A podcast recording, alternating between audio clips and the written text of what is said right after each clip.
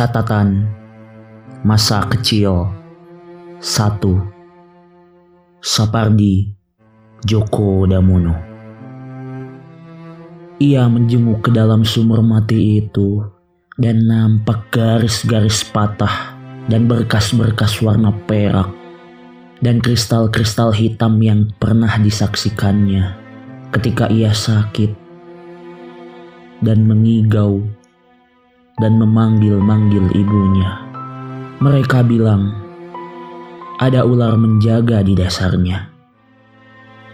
Ia melemparkan batu ke dalam sumur mati itu dan mendengar suara yang pernah dikenalnya lama.